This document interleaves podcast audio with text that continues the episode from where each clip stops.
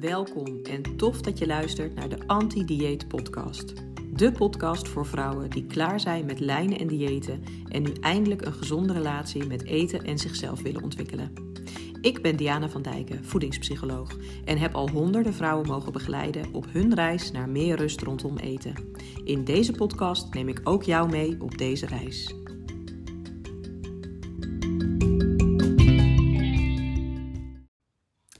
Welkom bij weer een nieuwe aflevering van de Anti-Dieet Podcast. Wat leuk dat je weer luistert. Intuïtief eten en diabetes. Gaat dat eigenlijk wel samen? Een veelgestelde vraag waar ik jullie graag een goed antwoord op wil geven. En wel met de hulp van Femke Buwalda, mijn gewaardeerde collega. Zij is net als ik psycholoog en is daarnaast ook diëtiste. Vandaag is zij te gast om over dit onderwerp in gesprek te gaan. Dus heb jij diabetes en vraag jij je af of intuïtief eten ook voor jou geschikt is? Luister dan snel verder. Maar deze aflevering is natuurlijk ook heel erg geschikt voor jou als je hier gewoon meer over wilt weten. Bijvoorbeeld vanuit je professie of omdat je er persoonlijk mee te maken hebt of hebt gehad in je omgeving. Veel luisterplezier! Hey Femke, wat leuk dat jij vandaag bij mij in de uitzending wilt zijn. Um, zou jij jezelf eerst even willen voorstellen aan de luisteraars? Ja, ik ben uh, Femke Buwalda, ik ben 46 jaar. En uh, ik ben psycholoog en uh, diëtist, maar dan mhm. intuïtief eten diëtist of anti-dieet diëtist. Ja. Uh, dus een andere tak van sport dan de reguliere diëtist. en ik heb mijn eigen praktijk, um, Inzicht in Eten heet het, mm waarbij ik mensen begeleid met vraagstukken omtrent ja, meer rust over hun lijf en omtrent eten. Ja, leuk. En wij kennen elkaar natuurlijk, want wij geven samen ook uh, opleidingen aan professionals. En um, de reden dat ik jou vandaag uitgenodigd is omdat ik best wel heel vaak vragen krijg van mijn eigen volgers, maar ook van cliënten, over um, de combinatie intuïtief eten, werken aan je relatie met eten op het moment dat je een aandoening hebt, zoals bijvoorbeeld diabetes of mensen met een nierproblemen. Um, en vaak vragen mensen dan aan mij, maar kan ik dat dan wel combineren? Met intuïtief eten? Want moet ik dan niet allerlei regeltjes hebben waar ik me ook aan moet houden, omdat dat dan voor mijn gezondheid beter zou zijn? Nou, ik probeer ze daar altijd antwoord op te geven, maar ik weet dat jij daar uh, heel veel um, meer inzicht in hebt eigenlijk dan ik, omdat je je daar gewoon heel erg in verdiept hebt. Dus ik dacht, nou, dan wil ik daar met jou graag een podcast over draaien. Wat is hmm. jouw eerste reactie als mensen zo'n vraag stellen? Joh, ik heb diabetes of ik heb een bepaalde aandoening. Dan moet ik toch anders eten. Kan ik dan wel intuïtief eten? Uh, mijn eerste reactie is dan altijd ja, dat kan. Mhm. je kunt intuïtief eten. Ja. Uh, de mate waarin mensen dan intuïtief kunnen eten verschilt dan eigenlijk wel vaak een beetje. Ja. Um, maar uh, nee, het, het kan. Ja. Ja.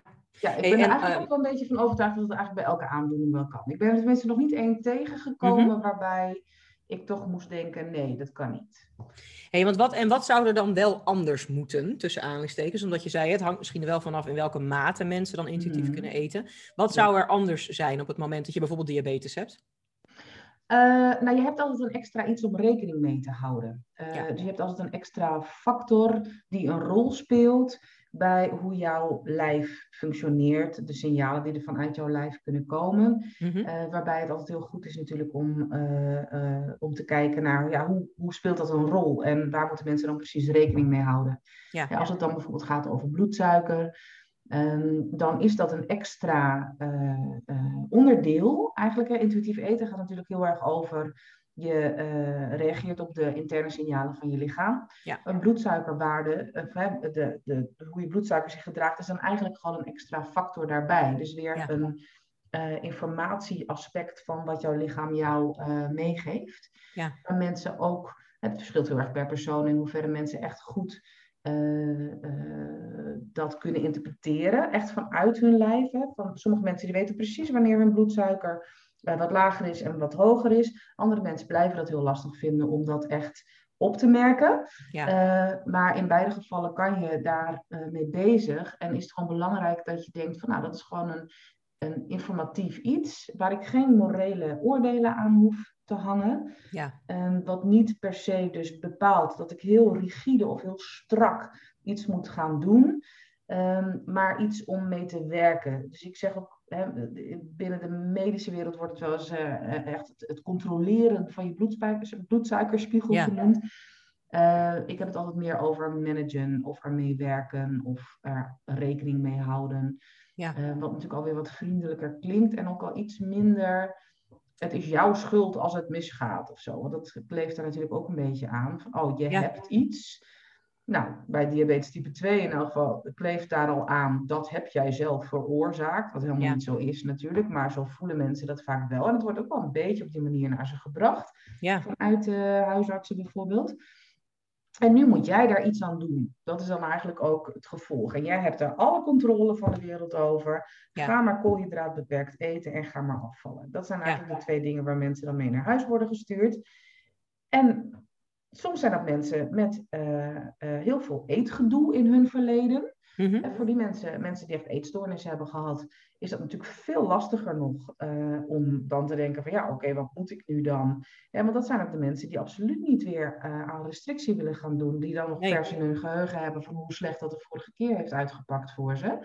Maar ook merk ik nu wel een beetje een kentering bij mensen die niet per se dusdanig zware uh, manieren hebben gehad van gedoe met eten. Maar mhm. nou ja, wel al bijvoorbeeld een hele leven in dieetcultuur zitten, wel veel gelijnd hebben. En die eigenlijk ook denken van nou, ik wil dat eigenlijk niet. Maar nu moet ik misschien wel vanwege die aandoening. En dat zijn de mensen die dan het meest eigenlijk bij mij terechtkomen. Ja. Waarbij je dan ja, gaat uitzoomen in plaats van inzoomen. En niet denkt van oké, dus deze waarde, bloedsuikerwaarde, bepaalt nu volledig hoe ik met mijn lijf moet omgaan. Maar hè, dat we het zien als onderdeel van een informatief iets. Ja. Uh, wat je mee kunt nemen en waar je nog steeds gewoon beslissingen in kunt nemen. Nou, en ik denk dat daar ook een heel belangrijk stukje zit. Ehm, dat je nog steeds beslissingen kunt nemen en nog steeds keuzes kunt maken. Hè? Want veel van de ehm, reacties die ik dan krijg als ik dingen deel over het intuïtieve eten of over jezelf die chocola niet ontzeggen, um, over uh, de restricties los leren laten, zijn ook vaak van vrouwen die of al heel lang in de dieetcultuur zitten, dat sowieso, want onder mijn volgers zitten natuurlijk heel veel vrouwen die daar of al langere tijd in vast hebben gezeten en daaruit los proberen te komen, of om zich heen aan het kijken zijn of er misschien niet toch iets anders is dan vast blijven houden aan al die regeltjes.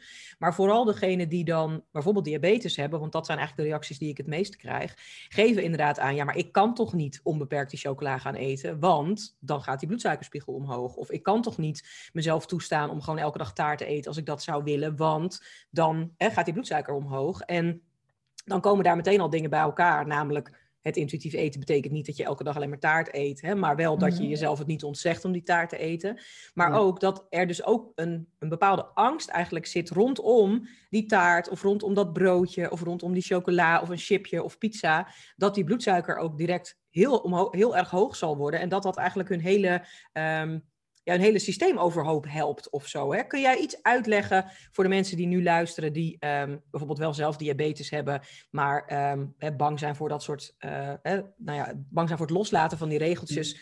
Wat het effect eigenlijk is op het moment dat zij wel een keer dat stuk taart pakken en mm-hmm. um, wat er dan eigenlijk gebeurt met die bloedsuikerspiegel?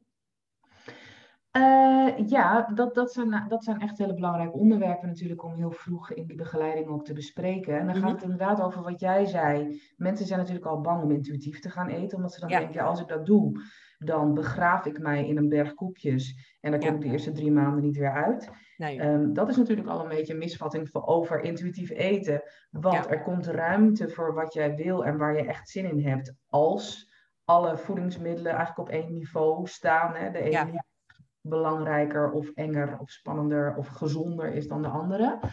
Uh, en dan heb je daar inderdaad toch die factor bij. Dat, en een cliënte van mij die zei het laatst uh, eigenlijk heel treffend. Die zei ja, ik laat me toch belemmeren door de gedachte. Elk koekje kan de doodsteek zijn voor mijn bloedsuiker. Ja. En dan denk ik, hè, de angst die daar natuurlijk op volgt. Uh, de spanning die daaruit blijkt uit zo'n opmerking. Dat is natuurlijk heel inzichtgevend voor hoe die restrictie dan dus wel heel erg kan werken. Maar als je denkt dat elk een soort van je laatste kan zijn en dat je jezelf dan over een bepaalde rand heen helpt, of, hè, dan, dan, dan kan je bijna niet, uh, ja, nee, nonchalant is het verkeerde woord, maar dan kan je eigenlijk niet openstaan ten opzichte van uh, verschillende voedingsmiddelen. Uh, dus dat zijn dan ook eigenlijk op dezelfde manier als wat we dat bij intuïtief eten normaal gesproken mhm. doen. Dat soort gedachten gaan onderzoeken. Ja. Gaan kijken, klopt dat wel? En is dat zo? En ook als je die gedachten houdt, hè, je hebt al bepaald van, nou dat klopt natuurlijk niet per se. Um, want uh, bloedsuiker is iets dat best kan schommelen binnen bepaalde marges ook. En dat betekent echt niet dat je dan volgende week daar uh, hele heftige consequenties van zult hebben. Hè, dus die angst kan op basis daarvan wel wat omlaag. Uh, maar dat je ook gewoon bezig gaat met, um, moet je je laten leiden door die gedachten. Ja. Met daarbij natuurlijk nog als mogelijkheid, wat ik mensen wel altijd een beetje aanraad, is van probeer het zelf af en toe te meten ook. Probeer dus informatie in te winnen over welke voedingsmiddelen welke reactie hebben op jouw bloedsuikerspiegel. Ja. Mensen kunnen dat natuurlijk zelf meten aan de hand van, uh, je hebt natuurlijk al van die, van die manieren uh, die heel geavanceerd zijn, maar je kan het ook al met een prikje in je vinger. Hè? Dus af en toe even checken. En dan zeker in het begin van de begeleiding vaak wat vaker. Zodat je ook een duidelijk inzicht krijgt in, oh oké, dit doen die koekjes dus met mijn bloedsuikerwaarde, zodat je daar ook wat meer controle juist weer hebt over, en dat je die informatie gewoon hebt.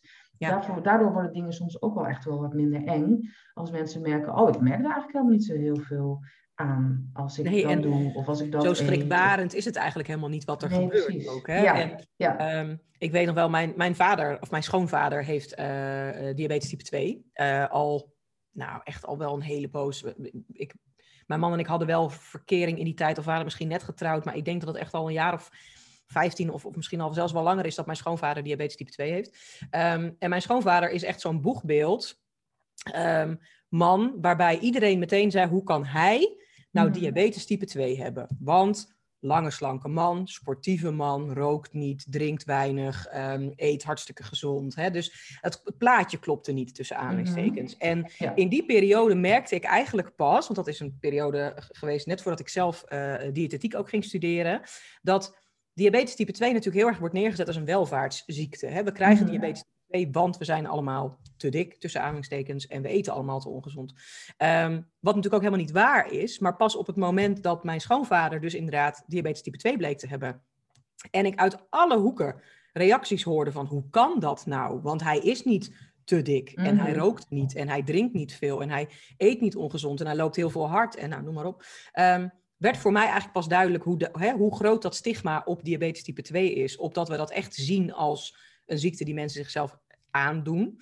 Dat merken we natuurlijk ook terug als vrouwen, in mijn geval dan toevallig alleen vrouwen natuurlijk in de praktijk komen, die diabetes hebben en ook zeggen, ja, maar inderdaad, ik heb het idee dat het mijn eigen schuld is. En ik heb eigenlijk al die jaren te horen gekregen, als je maar afvalt, dan is die diabetes type 2 misschien ook nog wel terug te draaien. Hè? Dan wordt het misschien mhm. wel weer goed, heb je misschien geen insuline meer nodig. Ehm, hoe, hoe zit dat stukje in elkaar? Want jij hebt ook altijd heel veel onderzoek gedaan naar allerlei ehm, uh, aandoeningen en naar de link tussen gezondheid en uh, gewicht. Hoe mhm. strak is dan die zogezegde relatie tussen diabetes type 2 en het komt doordat mensen zich dat zelf hebben aangedaan omdat ze veel te mhm. ongezond zijn gaan eten?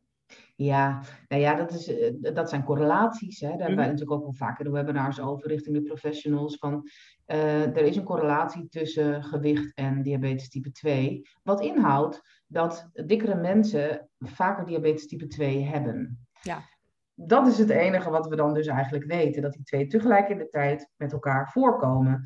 Waar dan die diabetes doorkomt, mm of andere metabole waarden, nou, hart- en vaatziekten zitten er natuurlijk ook bij, of hoge bloeddruk, hè, wat met de hart- en vaatziekten natuurlijk in te maken heeft, cholesterol, het zijn allemaal dingen die dan dus tegelijk in de tijd op, optreden met dikker zijn. Ja. Ehm, wat dan dus niks zegt over wat dat veroorzaakt heeft. Wat we weten is natuurlijk dat erfelijke aspecten een heel grote rol spelen.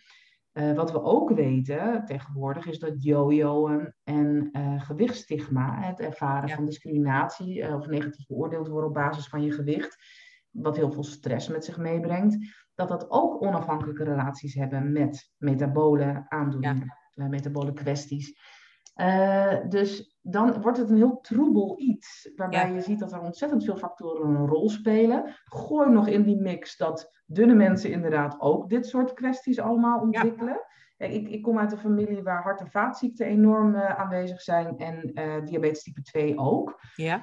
En dat treft ons dan allemaal. Zeg maar, uh, dat is dan iets wat dunne ooms en de wat dikkere ooms en de dunnere mensen en de dikkere mensen in mijn familie allemaal eigenlijk gemeen hebben. Dat dat op een, op een gegeven moment optreedt. Uh, en waar we nu dus een beetje naartoe dreigen te gaan, of wat denk ik ook al een aantal jaren gaande is, mhm. is dat dus dingen echt ondergediagnosticeerd kunnen worden bij dunnere mensen, omdat daarvan dan de aanname is, nee, dat is hartstikke gezond. Hè, als je maar een gezond gewicht hebt, dan is er verder niet zo gek veel aan de hand. En denk ik, nou, dat is natuurlijk hartstikke gevaarlijk, want er kan van alles aan de hand zijn.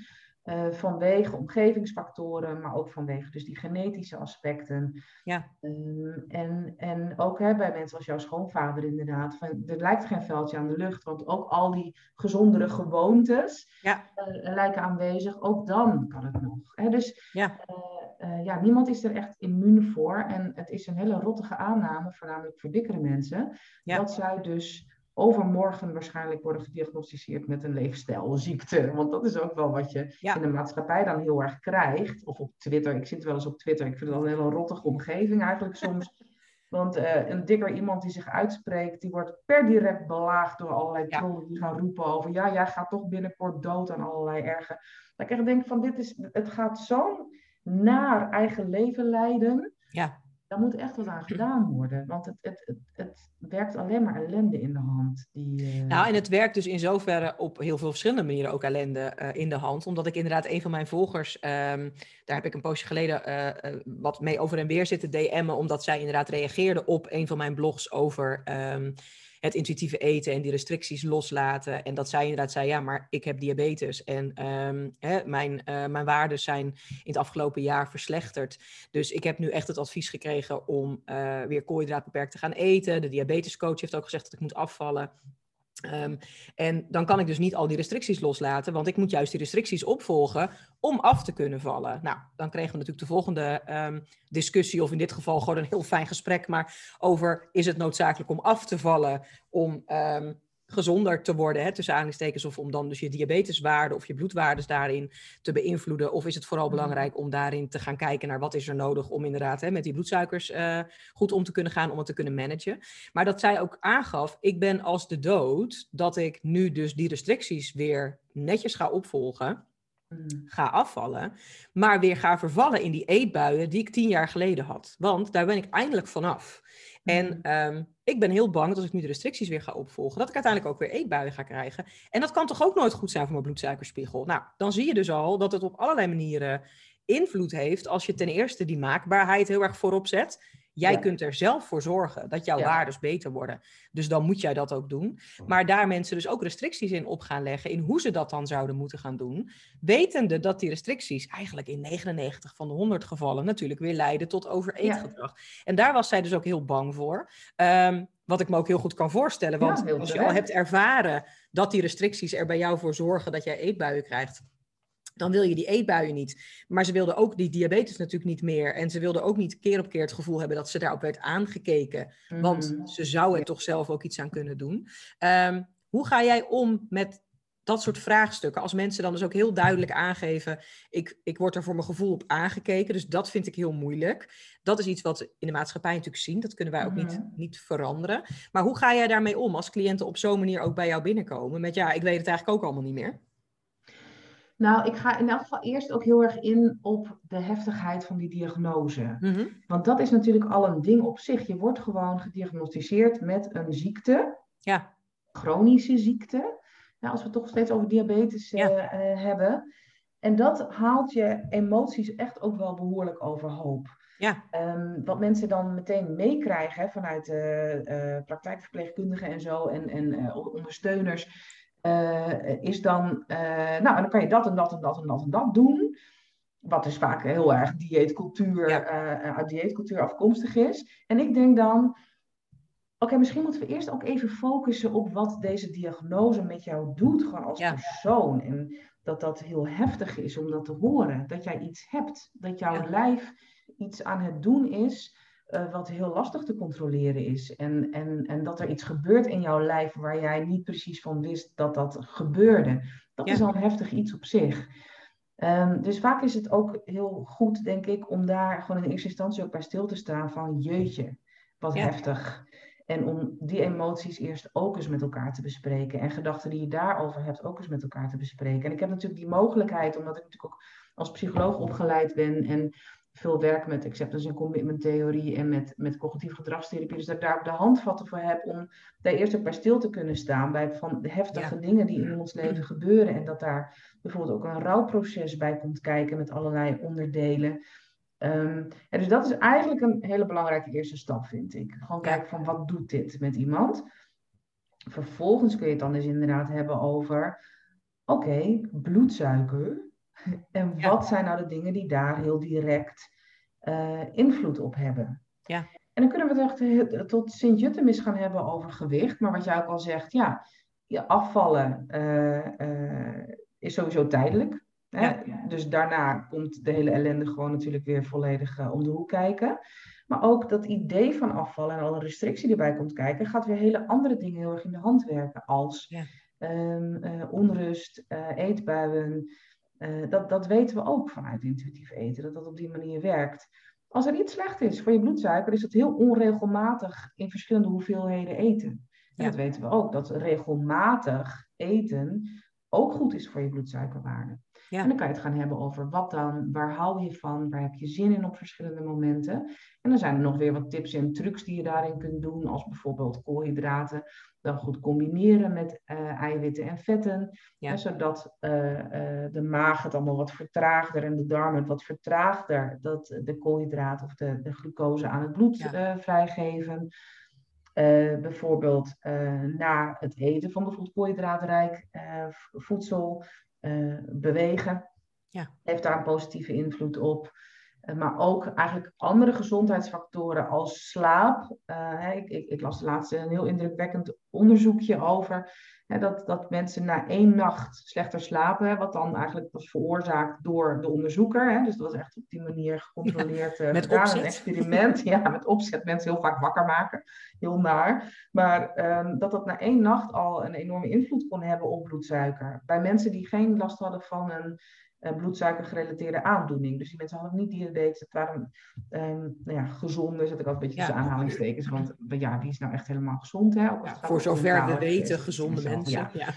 Maar uh, dus slaap is een heel belangrijk iets. Um, dus check bijvoorbeeld ook, hè, wat, wat vaker voorkomt uh, bij mensen met deze aandoening, bijvoorbeeld slaapapneu. Nou, als er iets je slaap verstoort en, en gezonde slaap verstoort, dan is het slaapapneu. Ja. Het kan ook enorm helpen als je daar goed bij geholpen wordt. Als daar uh, informatie over is. En, en uh, dat kan je met zo'n CPAP-apparaat bijvoorbeeld heel goed ja. helpen. Um, en ook stress. Hè. Stress is overal slecht voor. Ja. Um, we hadden het net al even over natuurlijk een relatie met gewichtstigma. Maar stress en bloedsuikerwaarden, die zijn ook nogal aan elkaar gewaagd. Hè. Hoe, hoe stresster, uh, hoe hoger je bloedsuiker natuurlijk ook. Ja. Uh, en bloeddruk. Hè. En dat, dat, zijn allemaal van die dingen die allemaal met elkaar samenhangen. En dat ik ook denk, van, het is echt belangrijk om um, daar met mensen ook heel goed over te hebben. Van hoe kan jij beter ja, misschien je stress verminderen. Op het moment dat dat niet zo mogelijk is, beter misschien leren omgaan met die stress. Uh, en wat zijn voor de rest nog allemaal stresserende factoren in je leven? Uh, en vaak is dat dan bijvoorbeeld ook een gebrek aan eigenwaarde. Hè? Dat mensen ja. van dieetcultuur natuurlijk heel erg hebben meegekregen, met name de mensen in een wat dikker lijf, dat hun lijf iets is om te veranderen. Dat ze daarmee aan de slag moeten. Dat wordt allemaal versterkt door die diagnose, dat is stressvol. Uh, al die adviezen die je dan krijgt, waar je het eigenlijk misschien niet helemaal mee eens bent, maar je denkt, ik moet wel, dat is stressvol. Ja. Er is ontzettend veel te doen als je een beetje uitzoomt. En zo noem ik het dan altijd. Hè, je kan heel erg inzoomen op gewicht, diabetes, afvallen, uh, bloedsuiker. Je kan ook uitzoomen en denken, oké, ik heb allerlei mogelijkheden. Er zijn allerlei dingen waar ik misschien een beperkte controle op heb, hè, want dat is ook die maakbaarheid. Ja. Nee, mensen kunnen hun gezondheid niet volledig controleren. Uh, maar er zijn wel kleine verschillen misschien die je kunt doen. Um, en als je iets vindt, nou, we hadden het gisteravond in de webinars natuurlijk, mhm. was jouw stuk helemaal over beweging. Um, als je iets vindt waar je lol in hebt, als het gaat over bewegen, en dat kan het, mag het zo klein zijn als, ja. als maar kan, uh, dan is dat al iets prettigs om te doen. En dan is dat al iets wat je doet voor je gezondheid. Ja, eh, en dan is het niet alleen maar die nadruk, die natuurlijk wel echt vanuit de medische wetenschapper gewoon nog steeds heel erg op wordt gelegd, mm. dat er. Um, dat, dat mensen toch echt moeten afvallen. Uh, hè, als ze dus dan zogezegd te dik zijn volgens mm. de um, de richtlijnen die de artsen daarin hanteren. Of dat ze in ieder geval koolhydraat beperkt moeten gaan eten. En mm nou ja, goed, mijn schoonvader eet nog steeds koolhydraten beperkt. Um, En daar, daar is hij ook niet, heel erg vanaf, niet meer heel erg van af te brengen. Ehm, mijn schoonmoeder doet daar dus in mee. Terwijl die vrouw die wordt hartstikke blij van gebakken aardappeltjes en van een keer een frietje of um, van rijst of stampotten. Maar die eet dus ook al sinds dat mijn schoonvader gediagnosticeerd is met diabetes type 2, eet ze eigenlijk met hem mee. Dus zij eet ook heel weinig koolhydraten. En daar maakt hij dan inderdaad op een verjaardag nog eens een keer een uitzondering voor. Hè? Dan neemt hij dat taartje. Maar het is er bij hem ook zo inge hamert tussen mhm. aanhalingstekens. Dat zijn bloedwaardes eigenlijk alleen maar stabiel te krijgen zijn of op een, op een goede waarde te krijgen zijn als hij dus die koolhydraten uh, laat staan. Dat dat, um, dat dat dus ook is wat hij al die tijd al heel netjes doet. En mm ik merk dat, ik heb ook mannen begeleid in het verleden, um, dat, en, en ik, ik, ben nooit zo van het heel erg daarin onderscheid aanmaken, maar het viel mij toch wel op dat de mannen vaak veel netter zich hielden aan alle regeltjes die ze opgelegd kregen, waar vandaan dan ook, dan dat de vrouwen dat deden, in zoverre dat het bij vrouwen heel vaak ervoor zorgde dat er op een later moment juist escalatiegedrag ontstond, hè, dus dat ze dan toch mhm. over eetgedrag gingen vertonen, waar de mannen dat op de een of andere reden op, op een andere manier, denk ik, gingen compenseren, misschien dan toch minder met eten, maar nou ja, uh, misschien gingen ze wel meer geld uitgeven. Ik weet het niet. Ze, ze zullen mm. ongetwijfeld ergens ook iets compenseren.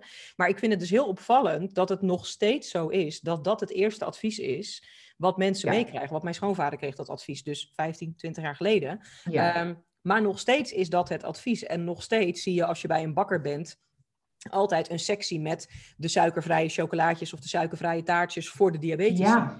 ja. Dat is dus nog steeds iets waar de nadruk op gelegd wordt. Terwijl we weten, als we gaan kijken naar wat er eigenlijk allemaal gebeurt, dat mhm. dat niet de meest belangrijke factor is. Maar dat het inderdaad gaat over dat regelmatig eten, over zorgen dat je, ja. je moet altijd maar slim combineert, inderdaad, je koolhydraten, mhm. je vetten en je eiwitten combineert. Um, maar dat is dus toch nog steeds het eerste advies wat mensen meekrijgen. Wij proberen daar op de een of andere manier natuurlijk ook verandering in te bewerkstelligen. Nou, dat mhm. blijkt nog niet zo heel makkelijk te zijn. Heb jij... Um, wel eens diabetescoaches of diabetesverpleegkundigen of huisartsen daarover gesproken, die ervoor openstaan om te zien dat het wellicht toch ook anders kan? Mhm. Nee. Nee, ik zoek het ook niet heel erg op, moet ik zeggen hoor. Ik zit niet per se in een verwijsstructuur wat dat betreft. En mensen weten mij eigenlijk over het algemeen zelf uh, te vinden. Ja. Ook omdat je dan heel erg ook in ketenzorg en zo terechtkomt. En dat je dan heel veel dingen moet gaan verantwoorden. En dat ik merk dat eigenlijk, nou ja, het hele verzekeringsstelsel dan alsnog niet heel erg toe is, volgens mij, aan intuïtief eten. Maar goed, dat kan ook een beetje mijn allergie zijn hoor. maar even over koolhydraten. Kijk, het is natuurlijk wel zo dat, dat, dat, dat snelle suikers uh, iets kunnen doen met je Ik bedoel, dat wil ik ook helemaal niet ontkennen. Dus dat is denk ik wel belangrijk. Het gaat allemaal heel erg over flexibiliteit en nuance, wat mij betreft. Kijk, jouw schoonvader, als die, als die perfect tevreden is met een koolhydraatbeperkt dieet, mhm. Prima. Ik, ja. ik, zou niemand, ik zou tegen niemand zeggen, nee, je moet juist heel veel koolhydraten eten. Want iedereen moet het gewoon echt heel erg zelf weten.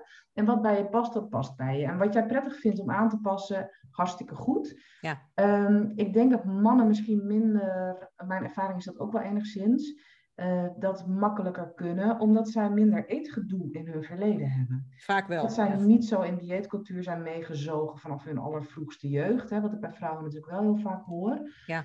En dan denk ik ook, neem dat dus serieus. Ja. Want binnen onderzoeken gebeurt dat niet. Hè? Iedereen kan op een hartstikke laag caloriebeperkt dieet uh, gezet worden. Koolhydraten kunnen volledig geschrapt worden volgens allerlei onderzoekers. Maar wat niet wordt meegenomen is die persoonlijke ervaring van mensen. En wat wij natuurlijk ook bij onze mensen, onze cliënten merken, is dat mensen ook denken, ja, maar ik moet maar gewoon me daaraan houden. Ik moet niet zo moeilijk doen. Dat is een kwestie van wilskracht. Dat is een kwestie van, ja, goed voor mezelf zorgen. Terwijl ik denk, nou, je eigen ervaringen serieus nemen is ook goed voor jezelf zorgen. Je eigen mogelijkheden echt heel goed inschatten. In, ik kan niet goed restrictie uitvoeren, mhm. want ik heb daar slechte ervaringen mee en, en dat is ook onderdeel van mij. Dat wordt voor mij allemaal bij de acceptatie en bij de prima, dus niet doen. Dan gaan we kijken hoe we op een andere manier met dat bloedsuiker in de weer kunnen. Want dat doe ik wel. Ik ga er dus wel over. dus dat is wel een belangrijke, denk ik, Waarbij, uh, want dat kleeft er ook weer heel erg aan intuïtief eten. En, en mensen die zo werken als jij en ik. Van ja, nou, zijn dus niet zo begaan met de gezondheid. En, uh, uh, en om dan. En, maar ik denk van ja, dat is allemaal hartstikke leuk en aardig. En voor sommige mensen zal dat werken. Maar voor de mensen die ik zie, in elk geval niet. niet. En mensen vinden het al lastig om dat van zichzelf te accepteren. Dat zij ehm, andere gedachten en emoties hebben, uh, die een leven lang erover gedaan hebben om te ontstaan, waarbij ik denk, ja, dat is dus onderdeel van jou, dat mag. Wees lief en vriendelijk voor jezelf en flexibel en genuanceerd en kijk van, joh, wat, uh, wat is dan mijn manier om hiermee om te gaan? En als je dan ziet dat er zoveel andere manieren zijn, ja. dan uh, is het dus niet nodig om koekjes heel erg te beperken. Maar dan denk ik van, kijk, we hebben natuurlijk altijd een gesprekje erover of zo. Dat ik zeg van, hé, hey, ja, uh, vezels -hmm. kunnen heel erg van belang zijn sowieso. Uh, hè, als het gaat over gezondheid en uh, lichamelijke ja. gezondheid, moet ik er even bij zeggen. Um, en, dat, en dat mensen dan ook zeggen van, goh, ik uh, ben eigenlijk perfect tevreden als ik wat vaker wat hartigs op mijn brood eet dan iets zoets. Ja. Uh, en dat ik wit brood vervang door volkoren brood. Hartstikke prima. Ja. maar, uh, maar als je denkt van nee, dan ontneem ik mezelf eigenlijk echt iets. En daarvoor wordt het voor mij heel stressvol hoe ik dan met mijn eten om moet gaan. Ja. Laten we dan wat anders bekijken. Maar het is een flexibiliteit die dieetcultuur helemaal niet kent. En aangezien we Nee. mensen begeleiden die vaak heel vastzitten in dieetcultuur, is dat wel een beetje een uitdaging. En dan heb je deze uitdaging er nog een beetje bij, waarbij flexibel omgaan met je diabetes echt een beetje eh, een onbekend en onontgonnen terrein lijkt. Dus die twee probeer ik gewoon heel erg met elkaar te combineren. Ja. dan. Maar ik heb nog niet veel met, eh, nee, met de huisartsen of met... eh, nee, ik denk wel dat, dat daar op een gegeven moment de tijd daar wat, meer, wat rijper voor is hoor. En Mhm. uh, maar op dit moment is er gewoon echt wat weinig over bekend. En uh, daar zijn heel veel andere dingen ook om natuurlijk nog mee bezig te zijn. Ik vind het in elk geval heel fijn om met mensen zelf het hierover te kunnen hebben. En um, bijvoorbeeld ook de, de Health at Every Size Health Sheets. Mhm. Daar hebben we het natuurlijk wel eens vaker over. Um, maar er zijn dus ook echt uh, richtlijnen voor die gaan over, oké, okay, als je dus dingen gewichtsneutraal wil benaderen, wat kun je daar dan mee? Ja, dus daar werk ik dan heel vaak mee als het gaat over verschillende aandoeningen. Ja. Um, en uh, ja, dat werkt voor mij eigenlijk gewoon heel goed. En ook vaak voor de mensen die ik daarmee uh, begeleid. Dan kan dat, dat bloedsuiker nog steeds schommelen. Ja. Maar ja, had het dat anders niet gedaan? Dat is ook de vraag. Hè? Want laatst uit de meta-analyse is bijvoorbeeld ook weer gebleken dat dat hele koolhydraatbeperking ja, dat dat toch op de langere termijn echt niet zoveel uithaalde als, uh, als mensen altijd denken. En dan heb je natuurlijk onder, en dat was een, een berichtje op de website van, uh, werd, dat artikel werd besproken op uh, de website van, van een, een diëtetiekvereniging of zo. En dan heb je allerlei diëtisten die daar helemaal op, op hun achterste benen op reageren. Van ja, jawel hoor. En dan denk ik, ja jongens, een meta-analyse is echt wel een hele goede manier van onderzoek doen. Ja. Um, en het, het, verbaasde mij niet, want al, alle vormen van diëten zijn op de langere termijn gewoon niet zo rooskleurig en, en, en effectief als iedereen daar maar de hele poos van aanneemt. Dat geldt voor Nee, alles. Dat geldt voor intermittent fasting. Klopt. Dat geldt voor... Ja, Nou ja, en dat maakt natuurlijk ook de discussie eh, eh, soms dubbel beladen als het gaat over intuïtief eten en aandoeningen. Ehm, de hele discussie rondom intuïtief eten is nog steeds voor heel veel mensen heel erg beladen. Hè? Dat hele idee dat ehm, gezondheid ten eerste niet zo maakbaar is, vinden heel veel mensen al gewoon niet zo leuk. Want dat ja, neemt toch een stukje van onze controledrang ehm, eh, weg. Hè? De, de illusie dat we daar controle over kunnen uitvoeren. Ehm, maar ook natuurlijk gewoon het stuk dat eigenlijk als je alle mooie grote meta-analyses inderdaad bij elkaar pakt, hè, dus de onderzoeken over heel veel onderzoeken, eh, voor de mensen die niet weten wat een meta-analyse inhoudt, daarin worden eigenlijk heel veel onderzoeksresultaten bij elkaar geze- gezet. En daar wordt vervolgens weer een onderzoek naar gedaan, naar al die resultaten bij elkaar, zodat je een hele grote populatie hebt, hè, heel veel mensen over wie dat onderzoek dan uiteindelijk gaat. Ehm, ja, die onderzoeken laten nou eenmaal gewoon onomstotelijk zien dat het merendeel van de mensen nadat ze zijn afgevallen gewoon weer aankomt op termijn. Nou, dat vinden we natuurlijk ook al niet een heel erg leuk idee, want als je eh, jezelf te dik vindt of je krijgt te horen dat je te dik bent en je wil graag afvallen, is het idee dat je dan waarschijnlijk bij die 80 tot 95 procent gaat horen die weer aankomt, is natuurlijk ook niet een heel leuk vooruitzicht. Hè? Dus Mhm. alles bij elkaar maakt dat al heel beladen. Nou, intuïtief Ja. eten gaat dan natuurlijk heel erg in tegen die hele dieetcultuur. Gaat heel erg uit van dat idee dat als je die restricties nou juist los leert laten en gaat onderzoeken wat, jij nou, nee, wat je nodig hebt, waar je blij van wordt, hoe je lichaam ergens op reageert, dat je dan waarschijnlijk in de basis, want dat laten ook dan al die onderzoeken weer heel mooi zien, misschien eigenlijk wel gewoon veel gezonder gaat eten dan dat je dat doet wanneer je het heel ingewikkeld maakt voor jezelf. ja, ja. Ehm, maar dat is natuurlijk allemaal al heel beladen. En dan gaan wij ook nog roepen, tussen aanhalingstekens, maar ook als je diabetes hebt. Hoef jij die restricties niet op te volgen. En ook dan kun je gaan luisteren naar je eigen lichaam. En ook dan kun jij mhm. keuzes maken.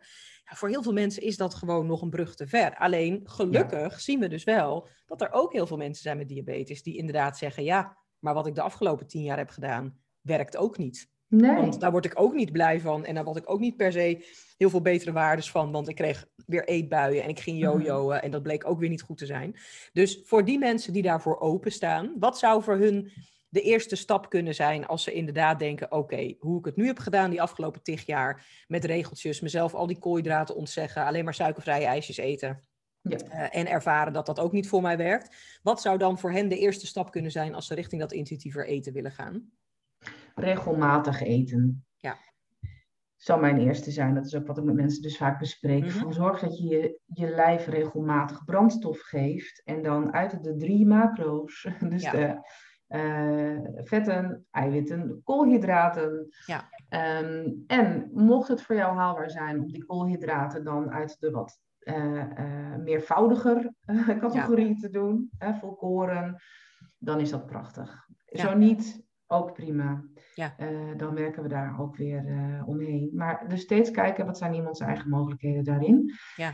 Um, en dus die regelmatig goed inkrijgen met, met verzadigende maaltijden. Um, hè, waardoor ook de kalmte wat meer in die bloedsuikerspiegel ja. uh, terecht kan komen. En uh, met dus ook prima tussendoortjes. En het liefst genieten van wat je eet. Ja. En het liefst echt elke maaltijd kiezen voor waar je zin in hebt. Maar dat zijn best lastige dingen. Dus ik begin altijd gewoon met de maaltijden. En, en dan mogen dat best maaltijden zijn waarvan mensen hebben geleerd van het voedingscentrum of zo. Dat dat gezonde maaltijden zouden zijn. Ja. Uh, maar het liefst is wel echt zonder restrictie. Ja. Dus zonder echt dingen weglaten. Uh, en als dat lastig is, dan hebben we het daarover. Ja, als het lastig is om dingen weg te, of niet weg te laten, of als daar belemmerende gedachten bij optreden, als van ja, dit is toch echt heel erg ongezond en mensen blijven heel erg in die categorieën denken, gaan we het daarover hebben. Ja. dus dat is altijd, uh, maar het beginpunt is dus inderdaad die, dat, dat rust rondom eten wat meer opzoeken. Ja, nou, ik denk dat dat een hele mooie is om, uh, om deze mee af te ronden. Hey, waar kunnen mhm. mensen jou uh, vinden als ze meer willen weten over jou en over wat jij uh, doet zoal in jouw praktijk? nou, ik ben, mijn website is dus inzichtineten.nl. Mm -hmm. daar vul ik regelmatig natuurlijk eventjes de informatie bij over wat ik weet over dit soort onderwerpen op mijn blog. Ja. En uh, ik probeer ook actief te zijn uh, op Instagram, uh, ook onder inzicht in eten. Mm -hmm. omdat ik het ook fijn vind om mensen eigenlijk een soort van community te bieden in van, goh, ja. als ik hier dus afstand van wil nemen, waar begin ik dan? Want mensen zitten natuurlijk zo ja. in een dieetcultuur, hele families, vriendengroepen, collega's. Ja. dus dat merkte ik ook een beetje, van dat mensen wel eens een beetje behoefte hebben aan, oké, maar wie, wie zijn dan gelijkgestemden in dit opzicht? Je bent van harte welkom om bij mijn groepje gelijkgestemden aan te haken. Aan te ja, haken. Ja, dus uh, dat is uh, uh, ja, waar ik me dan het, beetje, ja. het meeste ophoud, zeg maar. ja, leuk. Hey, en je hebt ook een boek geschreven wat bijna uitkomt. Ik heb hem natuurlijk ja. al besteld. Maar ja, hey, we zijn nog aan het wachten tot hij, tot hij door de brievenbus heen valt. Eindelijk uitkomt. ja, uh, ja, ik heb een, uh, een boek geschreven inderdaad uh, over dieetcultuur en over daarvan loskomen um, ja, door middel van acceptance en commitment theorie en intuïtief eten. Het is eigenlijk dus een zelfhulpboek ja. waar wat haken en ogen aan zitten, want ik vind helemaal niet dat mensen dus zelf het meest verantwoordelijk zijn voor hun gezondheid of überhaupt iemand gezondheid verplicht zijn. Maar stel dat, ja. dat je daar iets mee wil doen, dan kan je uh, door middel van oefeningen in het boek, kan je dan kijken of er de dingen die je kunt controleren, of je daar iets verandering in kunt aanbrengen. Ja. En het heet Bite Me. Ja. Als titel heeft het. Leuk, ik ben heel benieuwd. Ik ben aan het wachten, want het, het, het komt er bijna aan. Hè? Dus ik denk maand, anderhalve maand ongeveer, dan ja, klopt. zijn, hè? Ja, ik hoorde de definitieve datum nog. Gisteren is eigenlijk de omslag helemaal goedgekeurd. En uh, vandaag is het allemaal naar de drukker gegaan, ook daadwerkelijk. Spannend. En want hij staat al heel lang aangekondigd, maar uh, dat wist ik ook niet hoor. Dus voor het eerst dat ik met dit proces te maken heb. Maar dan, dan ben je dus eigenlijk nog druk bezig met de laatste dingen en dan zetten ze hem al op de website. Uh, hè, dus bij Boom is het, Boom Amsterdam komt hij uit. Dus die hadden hem al heel lang in de planning staan met een datum ook. Maar ik hoor nog of dat het definitief is. Maar voor nu is de verschijningsdatum inderdaad 18 juli. Leuk. Um, dus dan, uh, ja, het zit er in elk geval aan te komen. Top. Nou, ik kan niet wachten. Um, nou, mensen, uh, als jullie het leuk vinden, ga inderdaad eens even kijken op, uh, op Femke Insta en, en op haar website. En um, binnenkort is zij nog een keer te gast, omdat ze dan ook wat gaat vertellen over haar eigen verleden in die dieetcultuur en hoe zij daar zelf uit is, nou ja, vrijgekomen. Klinkt heel gek, maar eigenlijk voelt het bijna het wel. ontsnapt uit de dieetcultuur. Ja. Um, ja. Dus daar gaan we ook binnenkort over in gesprek. Hey, voor nu hartstikke bedankt en uh, wij spreken elkaar sowieso snel weer. Ja, ja ook heel nou, erg bedankt. Voor de hey, tot de volgende keer. Yes. Hoi hoi.